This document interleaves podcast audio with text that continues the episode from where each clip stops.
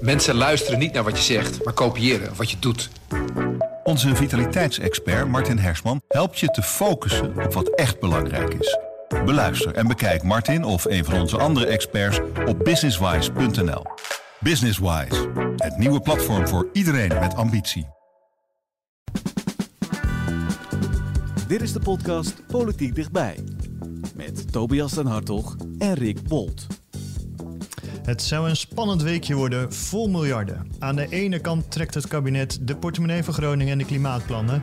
Aan de andere kant moet er voor het eerst in jaren weer bezuinigd worden. We bespreken het allemaal in onze podcast Politiek erbij met politiek verslaggevers Tobias den Hartog en Hans van Soest. Ja, heren, jullie werken nu al uh, een geruime tijd voor de krant.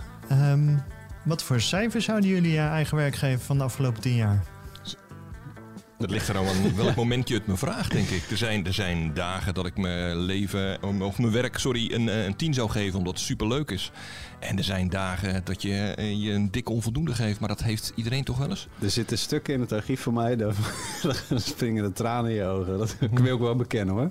Ja, ja. Dan, zouden er geen, uh, geen vertrouwenscijfers... Nou uh, ja, niet dat ze niet klopten, maar een beetje kietserig of zo. Of een beetje plotserig. Maar van waar dit bruggetje? Ja. Waar gaat dit naartoe? Ja, ja, nou ja, we, we, hebben net, we zitten na Koningsdag. Dan worden altijd de vertrouwenscijfers uh, in de koning bekend. Ah. Ja, hij staat er niet heel goed voor natuurlijk. Met, ja, tegelijkertijd, er is een soort van al algemeen zagrijn in de samenleving over de overheid, de politiek. De Tweede Kamer staat er slecht voor. Het kan alles, zeg maar, wat een beetje gezag en overheid symboliseert, staat er op dit moment slecht voor. Dus in zoverre moet je ook een beetje uitkijken met dit te verabsoluteren. Um, uh, dit, soort, dit soort cijfers gaan, als je uh, uh, kijkt in de, in de loop van de geschiedenis, gaan altijd op en neer. Ja, dat zei Mark Rutte ook in reactie op deze cijfers. Oh jee, nou klinkt het net alsof ik... ja, ja, maar goed. Ja. Koningin Beatrix, koningin Juliana, we zien het nu bij koning Willem-Alexander... dat er altijd momenten zijn dat de monarchie heel erg populair is... of net iets minder heel erg populair is. Ik zei vorige week al, de populariteitscijfers, ik zou er een moord voor doen. En veel van mijn collega's in de politiek... Uh, maar goed, als je ze vergelijkt met de pieken vlak na uh, de, de, de, troonswisseling, uh, zijn ze misschien net iets lager. Wat was het nu in plaats van 80%, 60%? Dat is toch allemaal geen ramp? 55%, van ja, 80 naar 55. Kijk, nou, ik sta 20% geloof ik, dus het is toch, come on, 55%. Vorig jaar zei hij natuurlijk ook al van ja, voor die cijfers, ik zou er een moord voor doen. Maar ehm, is er ook wel een probleem als het maar 55% vertrouwen heeft dat, in de koning? Dat kun je je dus afvragen of er nou echt een probleem is... of dat wij een probleem aan het maken zijn als media. We moeten onszelf ook wel eens in de spiegel kijken, vind ik hoor. Ik bedoel, wij... Elke, eh, inmiddels elke week zo'n beetje is er wel een opiniepeiler... die dan met een peiling komt over het vertrouwen in het Koningshuis. En het is nog steeds lager. Dan maken wij er weer een stukje over. En dan, oh, oh, oh probleem, is er een probleem? Kijk heel veel mensen ergeren zich vooral aan die, aan die polarisering in de samenleving. Weet je wel, de opgeklopte tegenstellingen. Terwijl als je het mensen, dat blijkt uit al die SCP-onderzoeken uh, uh, op de man afvraagt, dan zijn de verschillen helemaal niet zo groot. En ja, nu is er misschien wat minder uh, vertrouwen in het Koningshuis. Dat is waar. Tegelijkertijd, als je naar die onderzoeken kijkt en je vraagt naar mensen van wat zou je dan willen? Ja, dan is daar ook helemaal niet een, een, een eenduidig beeld over. En er is nu heel veel aandacht, dat is ook wel logisch. Hè? Het is tien jaar koningschap Mhm. voor een nog steeds maar hele kleine minderheid in Nederland die een republiek zou willen. Maar hebben we dan nu echt een probleem of moet het dus daarom maar worden aangepast? Ik vind dat we daar echt een beetje uh, mee uit moeten kijken. Premier Rutte en staatssecretaris Hans Velbrief verreisden dinsdag naar Groningen om daar namens het kabinet te reageren op het rapport van de enquêtecommissie Gaswinning Groningen. Twee maanden na het harde rapport van de enquêtecommissie naar de gaswinning in Groningen kwam het kabinet een uur geleden met de reactie. Er komt een uitgebreid pakket aan maatregelen om de ereschuld aan Groningen in te lossen. Meneer, goeiedag. Zo komt Rutte dan hier naartoe. Wat uh, verwacht u daarvan? Niks. Niks? Nee, nee. nee. dat wordt een uh, fraai verhaal voor de bühne. Ja. En uh, dan gaat de tijd verder. En dan moeten we eerst maar zien of er wat gebeurt. Ja, het kabinet komt met 50 maatregelen mm -hmm. om die, die geleden schade te compenseren. Um, wat voor maatregelen komen er allemaal?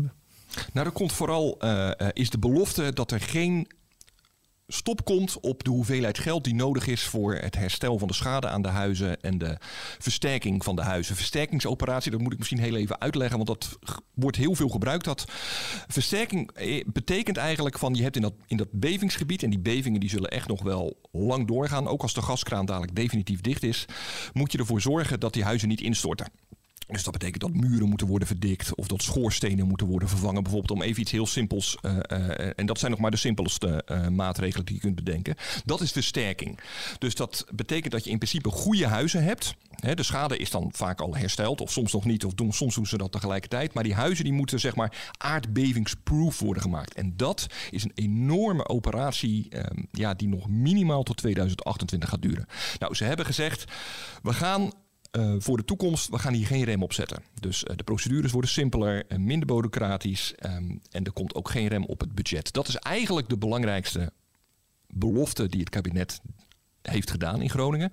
Daarnaast was er nog een, een, een, een vraag van een aantal Groningse bestuurders. Die wilden bovenop dat geld voor de versterking en de schadeherstel... wilden ze 30 miljard euro om te investeren in de regio. Nou, daarvan heeft het kabinet gezegd... dat is een beetje veel, het wordt 7,5 miljard.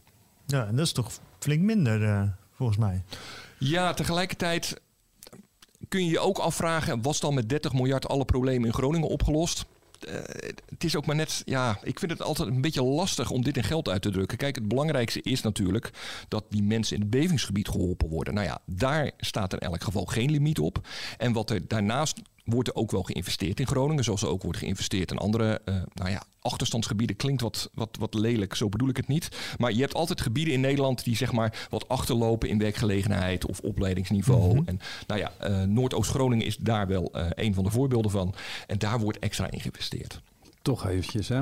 Eh, eh, er is veel gesproken over een soort van ongedekte, of eh, ongelimiteerde, ongedekte cheque die we uitschrijven aan de Groningers. Hè. Ik ik doe financiën bij, bij ons op de redactie. En dan ieder jaar is er weer zo'n rapport van de rekenkamer waarin staat dat er geld is uitgegeven waarbij eigenlijk niet goed vaststond wat het doel was. En ook niet aantoonbaar is dat het juist terecht is gekomen. Hè. Maar heel even advocaat van de duivel, Hans. Want er gaan ook forse bedragen naar Groningers die schade hebben, waarbij niet meer gecheckt hoeft te worden. Ja, tot 40.000 euro. Tot Ja. 40.000 euro. Dat is, Dus wordt een nieuwe regeling. Ja, dus dan krijg je een cheque van 40.000 euro als je zegt dat je schade hebt. Punt. Dat? Ehm, ja, dat beetje? is wat, wat heel erg kort door de bocht. Maar in principe komt het erop neer. Kijk, nu is het nog zo. Er is schade aan het huis. Dan komt er een, een inspecteur kijken. Goh, hoe groot is die schade? Komt die schade ook wel echt eh, eh, van de aardbevingen? Of is er, weet ik veel, een auto tegen je gevel aangereden? Ja, even een flauw voorbeeld. Maar hè, dat moet gecontroleerd worden. Nou, die regels werden al, vers- wij zijn al versoepeld de afgelopen eh, jaren. En dat wordt nog verder versoepeld. In principe tot een schades van 40.000 euro hoeven niet meer extra gecontroleerd te worden. Maar het is wel een interessante vraag die je eh, oproept, eh, Tobias. Want dit is namelijk precies het conflict eh, dat de overheid heeft met de oliemaatschappijen Shell en Esso. Wat is er aan de hand? Die schade ontstaan door, het, door de bevingen, hè, door de gasboringen, die worden verhaald op de NAM. Hè, daar zijn de Shell en Es- Esso zijn daar mede aandelaar van die moeten die schade betalen. Alleen die zeggen tegen de overheid: ja, leuk, wij krijgen dadelijk een, eh, een cheque van eh, weet ik veel hoeveel miljarden om die huizen de schade te repareren. En wij kunnen niet eens goed controleren of dat allemaal wel echt door de bevingen komt. En nou ja, er lopen rechtszaken. eh, daar is dan weer heel veel woede over. Dat eh, Shell en Esso eh, zeg maar hun verantwoordelijkheid niet zouden nemen. Shell en Esso zeggen dan weer van ja, hallo, wij kunnen niet zomaar blanco checks gaan ondertekenen. Dan krijgen wij weer ruzie met onze accountant bij onze jaarrekening. En dit probleem, wat jij nu. Het is wel een reëel probleem. Want ja, iedereen is erover eens. Die schade die moet gewoon ver- vergoed worden. En er moet ook eh, uiteindelijk niet een, een, top op dat budget zitten. Hè, dat als op een gegeven moment eh, het, het potje leeg is. en jouw huis eh, wordt beschadigd door een beving. dat het geld op is. Natuurlijk niet. Tegelijkertijd, hoe je dit dus controleert. Ja, dat is wel een probleem. In elk geval, we hebben tot nu toe alles wat we hebben geprobeerd om het zeg maar makkelijker te controleren, he- heeft niet echt geholpen. Het, de procedures zijn bureaucratisch, zijn lang, zijn ingewikkeld, kost ook heel veel geld. Heel veel, eh, eh, een groot deel van elke euro die gaat naar schadeherstel, gaat naar al die bureautjes die die schades moeten opnemen. Het is echt een groot probleem. En dat probleem is niet meteen opgelost. Eh, dus in zoverre heeft Tobias echt een terechte vraag. Van oké, elke schade tot 40.000 euro hoeft niet meer te gecontroleerd te worden. Daarmee is dat probleem waarschijnlijk niet opgelost. Want eh, als Shell en Esso gelijk gaan krijgen bij de rechter, ja, wat dan? Nou, je ziet, je, ziet ook ergens een beetje een parallel tussen die dingen. Hè. Je hebt het, hier hebben ze het dan over Groningen. Hè. Milder, makkelijker, menselijker maken van die, van die afhandeling van die schade. Je hebt het bij de toeslagenaffaire. Uh, waarbij ook is gezegd van we moeten versnellen. Uh, ik, ik, ik, moest daarbij ook denken hè, aan die rechtszaak die van de week speelde van, van ouders die naar de recht zijn gegaan. Hebben gezegd, joh, we zijn, we zijn onrechtmatig behandeld. Hè. De civiele recht heeft hen in het gelijk gesteld. En ook gezegd, de termijnen die de overheid hanteert om schade te herstellen, die worden niet gehaald. En dat is onrechtmatig. Het duurt te lang. En tegelijkertijd heb je een overheid die zegt: ja, het, we, we, werken zo hard en zo snel als we, als we kunnen. Hè? En dat hoeft niet altijd waar te zijn. Maar ergens is natuurlijk de, eh, de praktische uitvoerbaarheid. Je loopt tegen de grenzen aan van: ja, we willen misschien wel beter. En het kan altijd beter en sneller. Maar ja, wat dan? Dus hetzelfde met die versnelling op stikstof. Als je nu naar eh, de ministers toe stapt en zegt: joh, jullie hebben afgesproken, jullie gaan versnellen op de stikstofaanpak. Niemand kan je echt goed uitleggen wat dat dan behelst. Weet je wel, omdat ja, praktisch gezien het misschien al op de, in de hoogste versnelling staat. Of in ieder geval wordt geprobeerd in de hoogste versnelling te gaan. Dus ergens zit je ook met de praktische uitvoerbaarheid van dit soort goede voornemens. Nou, en dat is dus precies wat er mis is gegaan in Groningen. Dat bleek ook uit dat enquêterapport naar de aardgaswinning. Die schadeherstel, dat ging eigenlijk tot in de jaren tachtig. Uh, nou ja, toen waren er ook problemen overigens. Maar het ging pas echt mis uh, op het moment dat die bevingen echt in, in kracht en in aantal toenamen. En, en toen werd het er ineens zoveel meldingen dat ja, het hele systeem vastliep. En toen moesten er steeds nieuwe manieren worden gevonden. Goh, kunnen we dit sneller? Kunnen we dit simpeler? En dat is gewoon niet gelukt. Ja. Er werd niet alleen met uh, miljarden gestrooid, maar ook met excuses. De machine van de gaswinning winning, denderde maar door. En daardoor zijn niet alleen huizen, maar ook levens van mensen beschadigd. Daarvoor bied ik vandaag namens het kabinet excuses aan. De schade aan uw huizen kunnen en zullen we aanpakken. De schade aan uw levens is moeilijk herstelbaar. Dat spijt me zeer. Ik val meestal stil in gesprekken wanneer mensen dit zeggen. Of vertellen dat ze ziek zijn geworden van stress. Ik schaam me daarover. Op dat moment ben ik namelijk de overheid die leed heeft veroorzaakt. Ik wil ook graag herstellen. Deze kabinetsreactie bevat 27 maatregelen om het schadeherstel en de versterking beter te maken. Sorry, ik heb even. Milder, makkelijker en menselijker. Geen stapeling van onderzoeken meer. Geen onnodige rechtszaken. Geen beslissingen meer die over mensen en hun huis worden genomen, maar met hen samen. Ja, uiteraard veel excuses. En die merkt ook echt in die reactie dat ze heel erg probeerde duidelijk te maken: oh, dit zijn hele gemene excuses. Nu uh, merk je in de reacties van de Groningers, merk je wel dat die van Rutte misschien een beetje sleets beginnen te worden. Maar van Velbrief nog, dat werd nog wel geloofd dan. Ja, jij was in dat zaaltje, Hans. Ik was in dat zaaltje. Nou ja, we hadden het net heel even over we moeten uitkijken met de beelden die we schetsen. Hè? Uh, uh, bij de koning. Datzelfde merkte ik eerlijk gezegd ook wel uh, um, bij Groningen afgelopen week. Omdat ik was in dat zaaltje en s'avonds uh, zag ik ook op het journaal vooral de mensen die boos waren en die ontevreden waren. Maar ik sprak eigenlijk vooral Groningers die, die wel degelijk tevreden waren met excuses. Um, en, en natuurlijk, uh, Rutte's excuses worden anders geapprecieerd dan die van Velbrief. Maar dan nog, de overgrote merendeel van de mensen die ik sprak was tevreden, voelde zich gehoord. Um, uh, klaagde ook niet dat, zoals René Paas later, hè, dat er veel te veel weinig geld werd uitgetrokken. Dus ik, ik, ik, proefde in elk geval in dat zaaltje, proefde ik niet een, een enorme woede of een enorme ontevredenheid. En, en, en je had het er ook over, die, dat Velbrief, Hans Velbrief, dat die ook Hans werd genoemd. Ja, klopt. Nou ja, Hans Velbrief, die heeft in dat jaar dat hij nu staatssecretaris Mijnbouw is, heeft hij um, wel ja, je kunt zeggen, uh, flink aan zijn PR gewerkt. Maar hij heeft in elk geval wel iets gedaan wat is aangekomen in Groningen en wordt, wordt geapprecieerd in Groningen. Hij is regelmatig in Groningen, zit hij in Loppersum. Daar kunnen mensen langskomen met hun dossiers die al, al jarenlang uh, vastzitten. En mensen hebben wel het gevoel, oké, okay, uh, eindelijk worden onze problemen serieus genomen. Ja, en dat het dan misschien iets minder is als uh, Rutte die weer eens een keertje langskomt om heel erg sorry te zeggen. Ja, nou kijk, en die 30 miljard, uh, dat is natuurlijk een beetje een eigen leven gaan leiden. Maar die 30 miljard was dus niet bedoeld voor schadeherstel. En uh, dat was echt bedoeld voor investering in, in, in uh, energievoorzieningen, uh, scholingsprojecten, allerlei andere werkgelegenheidsprojecten. Um, Eh, dus ik denk heel veel mensen die met name in dat bevingsgebied zitten, die hebben zoiets van jongens, ik wil eigenlijk vooral dat mijn problemen nu even snel worden opgelost. Ja. Je, noemde Paas al. Eh, hij zei er eh, eh, het volgende over als reactie op eh, de ex- excuses van het kabinet. Ik heb geen reden om tevreden te zijn. Ik zie een grote stap van het kabinet, maar die is niet genoeg om een ereschuld in te lossen. Ik denk niet dat je deze ereschuld ingelost krijgt met wat er nu in deze brief is beloofd. Dus we zijn nog niet uitgepraat, vrees ik. Ja, is dat inderdaad zo? Zijn ze nog niet uitgepraat? Valt er nog Nou iets te ja, er komt natuurlijk nog een Kamerdebat. Eh, en je kunt er gif op innemen dat in elk geval een groot deel van de Kamer ehm, vindt dat er meer geld naar Groningen zal moeten. Ehm, het probleem is wel een klein beetje. Koop je nou ereschuld af door meer geld te beloven? Of eh, koop je ereschuld af door de problemen op te lossen? Ik, ik vind dat zelf altijd een hele lastige. Ik vind het ook namelijk wel heel gemakkelijk om te roepen... oh, nou weet je, we gooien, we gooien 100 miljard naar Groningen. En dan is onze ereschuld af. Ja, dat is natuurlijk ook niet waar. Is zo'n ereschuld überhaupt op te lossen? Zeg maar? Nou ja, volgens mij is de ereschuld alleen op te lossen door nou eindelijk te zorgen dat die huizen eh, eh, veilig zijn in Groningen. Dat, dat lijkt me stap 1.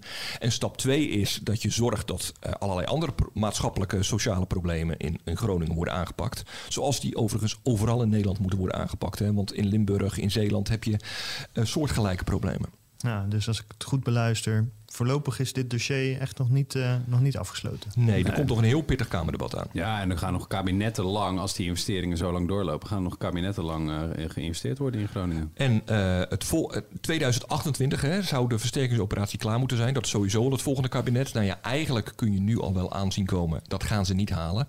En waarom gaan ze dat niet halen? Dus een tekort aan bouwvakkers. Er is een tekort aan bouwmateriaal.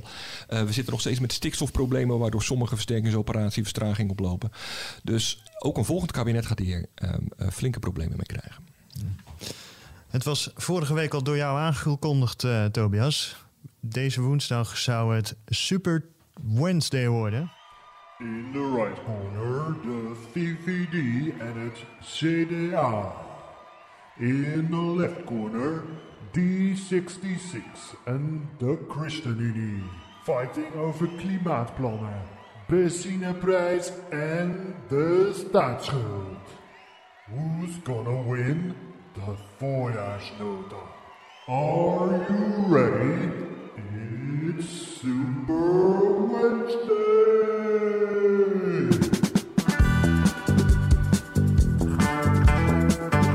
Wat een intro, Rick Ja, dit past bij Super Wednesday. Een beetje, een beetje zweertje neerzetten natuurlijk. Ja, je, je pakt het wel, je pakt Vooraf- wel uit. Vooraf hebben partijen eerlijk gezegd dit sfeertje ook wel een beetje gecreëerd, toch? Ja, zeker. Hier is zo op aange. Hey, hoe even voor wie dat heeft gemist dan vorige week is Super Wednesday. Ja, het is een geintje. hè. Maar vandaag, van, vandaag eh, eh, is donderdag. Uh, op de woensdag. eh, Vandaag is of, vrijdag. sorry, vrijdag. Op de woensdag was de ministerraad. Die was naar voren gehaald vanwege Koningsdag. En eh, die woensdag zouden er besluiten, eh, zijn er besluiten genomen over zowel de klimaat, eh, extra klimaatmaatregelen die de eh, overheid moet nemen om de CO2-reductiedoelen te halen. En er was de voorjaarsnota. Hè. Dat is zeg maar het jaarlijkse eh, de bijstelling van de, van de Rijksbegroting. Hè. Zitten we op schema, geven we te veel geld uit. Laatste spoiler, Mhm. ja. Dus, en het, het geld naar Groningen, daar moest een besluit over worden genomen. Dus dat zou allemaal samenkomen op die woensdag. Is gebeurd. De besluiten zijn gevallen. Eh, en vandaar die, eh, die passende intro van Ja. jou, eh, Rick Bot. Ja, er lag natuurlijk inderdaad wat op tafel. Laten we het eerst hebben over die voorjaarsnota. Ehm, hij is nog niet officieel uitgedeeld natuurlijk, Nee, maar wel komt het, rond eh, middaguur, maar- het nodige uitgelekt. Ja, ja. Ehm, ja, wat is eruit gekomen? Nou ja, eigenlijk dat de minister van Financiën, in dit geval Sigrid Kaag, na jaren van het strooien met miljarden, eigenlijk het roer omgooit. Hè. We gaan bezuinigen. Dat is echt iets wat nou ja, de laatste drie jaar eigenlijk niet meer, eh, niet meer is, eh, is gebeurd. En dat had hele praktische redenen. Je had eerst corona. Er moest heel veel geld worden eh, gestoken in het eh, overeind houden van de economie... en het overeind houden van mensen en hun, hun, huishouden. En daarna kwam de oorlog in, in Oekraïne... Die de, die de energieprijzen door het dak dreef. En dat moest gerepareerd worden. Althans, dat, dat vond men allemaal. Eh Wopke Hoekstra was toen nog, hè, dan hebben we het over 2000, hebben we, eh, 2001, de, de, de minister van Financiën. En die zei, we hebben diepe zakken en we zijn bereid ze te legen. Hè. We hebben een buffer om uh, ja, al die klappen voor de, voor de burger een beetje te verzachten. Ja, en nu zegt Kaag eigenlijk, ja, de, de, de, we kunnen dit niet langer doen. Hè. Als we dit nog verder doen, dan loopt de schuld zo uh, uh, uit de pas. Die gaat, die gaat door de EU-regels heen. En dan zijn we, ja, nou ja, nog wel een heel stuk beter dan Italië en Griekenland enzovoort. Maar dan overtreden we gewoon de EU-begrotingsregels. Hebben we een te groot tekort op onze begroting. En uh, dus heeft ze alle ministeries uh, gezegd, ja, uh, met uitzondering van Defensie overigens, vanwege de oorlog. Maar heeft ze alle ministeries gezegd van jongens, ga maar kijken waar je op kan beknibbelen. Ja, um, Kaag zei inderdaad al van ja, we moeten even wat, wat, wat netter gaan omgaan met onze financiën weer. Rutte zei er het volgende over tijdens zijn persconferentie. Zonder op de details in te gaan, is het toch een voorjaarsnota waar lijkt dat toch wel bezuinigd moet worden. Deed dat pijn? Ja, omdat we dat niet meer gewend zijn. Dus het was wel weer even wennen? Ja, ja inderdaad. En toch lijkt het gelukt zonder al te veel hele erg zware lastenverhogingen voor de burgers. Ja, maar dit was dat? niet lastendiscussie, het was een uitgaafdiscussie, omdat het ging over uh, de uitgaven. Ja, nee, klopt eventjes. Ja, het ging dus inderdaad over de uitgaven. Ja. Als, als nou ja, gewone man, uh, ja, als je hier veel van merken? Nou ja, als je het even heel simpel... Ja, je gaat er wel iets van merken, maar als je het even heel simpel wil maken... is dat, is dat in het voorjaar kun je zeg maar twee dingen beslissen als kabinet. Eén, gaan we uh, onze schuld op laten lopen of gaan we onze uitgaven matigen? En dan kun je in het najaar, bij Prinsdag, kan je ook nog kijken naar het verhogen van belastingen.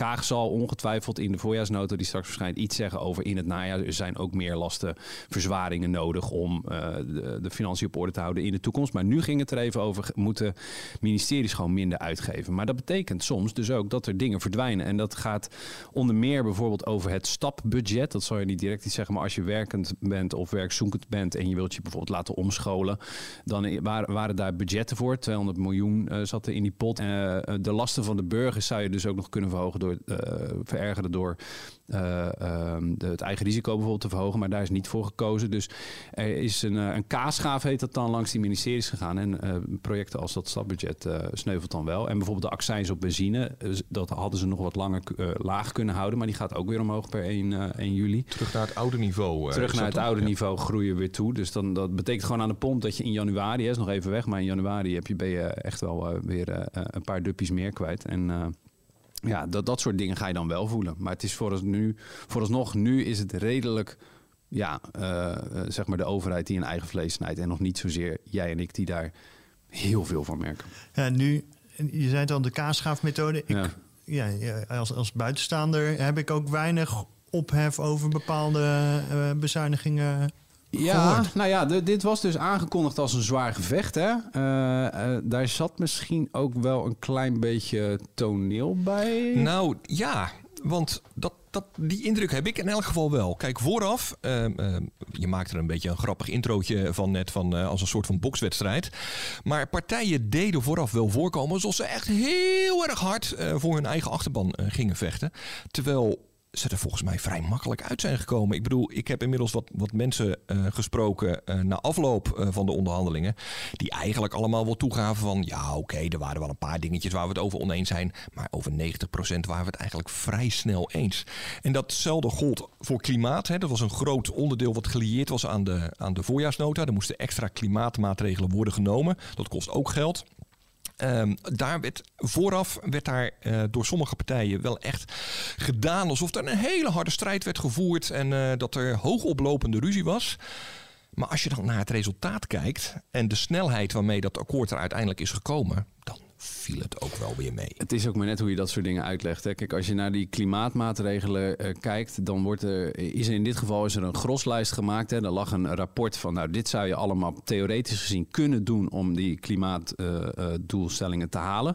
Dan komt daar een waslijst aan, aan, aan, aan maatregelen uit. Hè. En daar zitten, bij wijze van spreken, bij alle fabrieken in Nederland dicht helpt. Ja, weet je wel? Dus het is een groslijst waar, waar, waar ook dingen in, op staan waar geen enkele partij mee akkoord zou willen gaan. Nou, met die, met die lijst ja, die gaat dan circuleren uh, uh, bij partijen en die schrikken zich uh, rot. Als je bijvoorbeeld bij, bij de VVD, daar waren ze enorm boos dat een van de denkbare maatregelen was de aanschafbelasting op auto's te verdubbelen. Ja, dat, dat vindt de, wat ooit de Vroom-partij was, VVD, natuurlijk helemaal niet leuk. Dus die zijn gaan stijgeren en hebben gezegd, ja, joh, eh, ben je gek geworden.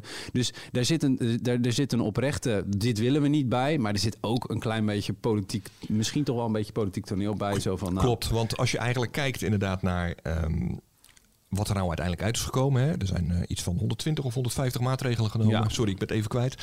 Ehm, dan blijft er eigenlijk vrij weinig over van dat, nou ja, eh, IBO-rapport. Dat was een dat rapport van die ambtenaren van afgelopen fe- februari met al die, die voorstellen van wat je zou kunnen doen om de klimaatdoelen wel te halen. Daar blijft eigenlijk vrij weinig van over. En een van de dingen bijvoorbeeld waar echt iedereen zich kapot van geschrokken was en wat uiteindelijk ook dus niet eens op tafel heeft gelegen, eh, als ik eh, de mensen mag geloven eh, die ehm, eh, mij hebben bijgepraat. Dat was bijvoorbeeld dat ieder, alle huizenbezitters moesten, als zij hun huis verkopen, dan moest de nieuwe eigenaar binnen twee jaar eh, dat huis aan de meest eh, eh, ehm, nieuwe, eh, strenge normen voor ehm, God, hoe, hoe heet dat? Isolatie. Isolatie eh, voldoen. Nou ja, dat kan helemaal niet bij Nee. heel veel oudere huizen. Dus dat zou betekenen dat een heel groot deel van de woningmarkt ineens enorm in waarde zou eh, eh, kelderen. Nou ja, geen enkele partij heeft dat voornemen of dat ideetje van die ambtenaren serieus genomen. Maar ja, eh, in de media ging het er wel, natuurlijk wel over. Eh, eh, er werd eh, eh, fus over gemaakt door sommige partijen. Dat gaan we nooit doen. Nou ja, we hadden het. Het, is een beetje, het wordt een beetje een rode draad misschien in deze podcast. Maar we moeten misschien iets minder focussen op al het negatieve. We gaan even luisteren wat voor maatregelen er allemaal wel in het pakket zitten dan. Een pakket klimaatmaatregelen van maar liefst 28 miljard euro. Het heeft even geduurd, maar het kabinet is het er uiteindelijk toch over eens geworden. Kolen- en gascentrales moeten in 2035 allemaal dicht. De industrie gaat meer betalen voor zijn uitstoot. Goed, dat gaat over de industrie. De huishoudens die gaan minder belasting betalen over de eerste 800 kuub gas die ze verbruiken, maar juist meer over alles wat daarboven zit. Er komt veel geld voor isolatie en zonnepanelen in achterstandswijken. En benzine wordt langzaam maar zeker duurder. Elektrisch rijden moet juist veel aantrekkelijker worden. Een heel pakket dat tot stand kwam na lange discussies tussen de regeringspartijen. Welke maatregelen sprongen er voor jou uit? Nou ja, wat er bij mij vooral uitsprong, was, alles wat er niet in stond. Hè? Dus dat waar wij eh, wekenlang eigenlijk een beetje bang voor waren gemaakt door partijen van... oh, dit eh, hangt boven de markt. Hè, dat waren dus eh, al die ehm, gehate, omstreden maatregelen uit dat IBO-rapport... zoals een vleesbelasting, zoals nou ja, verdubbeling van de BPM... die huizen die bij verkoop meteen moesten worden geïsoleerd. Dat, dat, dat zit er dus allemaal niet in. En eh, het klinkt allemaal heel vriendelijk, zoals het er nu zit. Er wordt ook heel veel subsidie tegenaan gegooid. hè. Zo'n, eh, uit dat klimaatfonds, daar zit 35 miljard euro aan subsidies in. Daar wordt nu al een hap van 22 miljard uitgehaald. Daar komt nog wat andere dingen bij. Hè. Tot, telt dan op tot 28. Maar het klinkt allemaal heel vriendelijk. Tegelijkertijd, hoe je het ook went of keert, het gaat wel pijn doen. Het gaat pijn doen, want hoe, huizen moeten, maar dat wisten we eigenlijk al.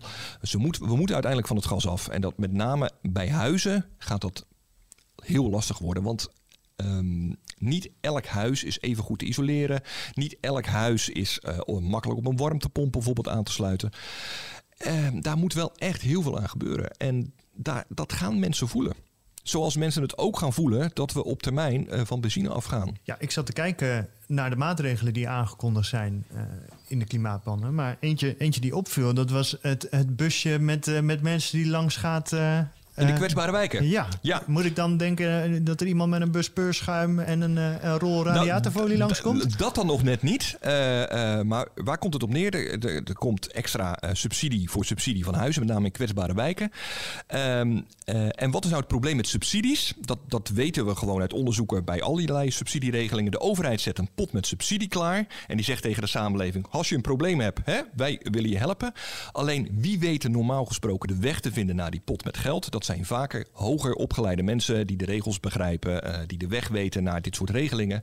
Dat zijn vaak ook mensen dus die iets meer verdienen. Of eh, het is even heel zwart-wit wat ik nu zeg, maar die vaak dan ook in wat betere huizen wonen. Terwijl die isolatiemaatregelen met name zo belangrijk zijn voor slecht geïsoleerde huizen. Waar dus vaker mensen wonen met lagere inkomens, die dus ook vaker lager opgeleid zijn. Of eh, eh, niet hoger, ja, lager, ik probeer een ander woord te vinden voor lager opgeleid. Praktisch. opgeleid moeten we tegenwoordig zeggen. Eh, en dus ook vaak die weg naar die subsidies niet weten te vinden. En dat is wel echt een probleem. Dus wat heeft het kabinet nu toegezegd wat wij gaan doen. Wij gaan in, in die wijken, waar dus relatief meer mensen eh, wonen eh, in slechte huizen, ehm, helpen om de weg te vinden naar die subsidies. Dus dan komen er dus inderdaad teams langs en die gaan eh, met nou, bijvoorbeeld eh, eh, eh, bewoners van een blok om tafel zitten van... goh, hoe zouden we, hè, wat kan er op worden opgeknapt aan jullie huizen... en hoe kunnen we jullie daarbij helpen en hoe kun je die subsidie aanvragen? Nu hebben we de afgelopen tijd hebben we een, een, een redelijk dramatische verkiezing gehad. We hebben de voorjaarsnota gehad, we hebben de klimaatplannen gehad. Het waren toch wel een hele hoop hete hangijzers voor de coalitie. Ehm, ja, kunnen ze nu opgelucht ademhalen? Nou, de afdronk van deze week is denk ik wel... Kijk, als je eh, even die drie, die drie thema's die door elkaar heen liepen... Hè, want je had die klimaatdiscussie op hetzelfde moment als de voorjaarsnota... en op hetzelfde moment was er, was discussie Groningen. Er is eigenlijk gewoon ouderwets gepolderd. Ik bedoel, als het om klimaat gaat, de, de, de looplijnen stonden al wel zo'n beetje. Er is pijn voor de een en pijn voor de ander. Eh, er, is, eh, er zijn pijnlijke maatregelen uitgehaald. Hè. Dat is eigenlijk gewoon een beetje een, een klassieke polderachtige oplossing geworden. De voorjaarsnota is eigenlijk, ja jongens, eh, we moeten wel bezuinigen, want anders voldoen we niet aan de EU-regels. En we hebben afgesproken dat we dat wel gaan voldoen. Hè. Dat was al bij het, eh, bij het regeerakkoord afgesproken. Dus daar is ook een vrij logische uitweg uitgekomen. En Groningen, nou, de werd eh, gevraagd op meer geld. Nou, er werd door Groningen om nog meer geld gevraagd. Maar ja, eigenlijk is daar ook weer een beetje de middle of the road gekozen. Hè? Dus als, eh, eh, ik kan me voorstellen dat eh, het kabinet terugblikkend de, de komende zaterdag is bij een kopje koffie en een overgebleven tompoes, dat, dat ze dan denken van, nou ja, we zijn er toch wel weer uitgekomen. Ja, het zegt misschien niet zoveel over de bestendigheid van het kabinet, maar op dit moment, ja, het is wel weer gelukt. Ja, is dan ook voor, voor voorlopig de. Zijn alle dossiers afgesloten en kunnen ze rustig verder? Nou, voor nu, maar er komt wel een enorme... Er is eh, even een weekje pauze, laten we het zo zeggen. Er rolt wel Ja. een kei van de helling eh, richting het kabinet en, eh, en, en dat is asiel. Er, komt, er is nog steeds op de achtergrond sluimert er een, een fundamentele discussie binnen het kabinet. Namelijk, hoe gaan we de, de instroom, de hoge instroom van asielzoekers dit, dit jaar en de komende jaren aankunnen, dan wel beteugelen. Nou, dit, dit- dat aankunnen, dat is D66 ChristenUnie. Die willen vooral, hoe kunnen we dat fatsoenlijk regelen? En eh, beteugelen, dat is CDA en VVD die echt willen dat die instroom omlaag gaat. En dat is een fundamenteel eh, eh, ander uitgangspunt waarmee ze dadelijk aan de onderhandelingstafel gaan zitten. En, en die discussie die komt nu rap op het, op het kabinet af. En daar denken ze echt gewoon principieel heel anders over. En dan om het, maar ja, we moeten altijd een beetje. Ik zei net, we moeten niet te negatief zijn. Eh, maar er komt nog een kei aan. En die is aangekondigd, notabene, eh door eh, Wopke Hoekstra. Hij heeft aangekondigd nog voor de zomer een kei van de helling Ja. af te duwen over stikstof. Want hij wil heronderhandelen over deze, dit onderdeel uit het regeerakkoord. Dus nou, dit kabinet is zeker nog niet uit de gevarenzone. Maar ik denk wel inderdaad dat ze.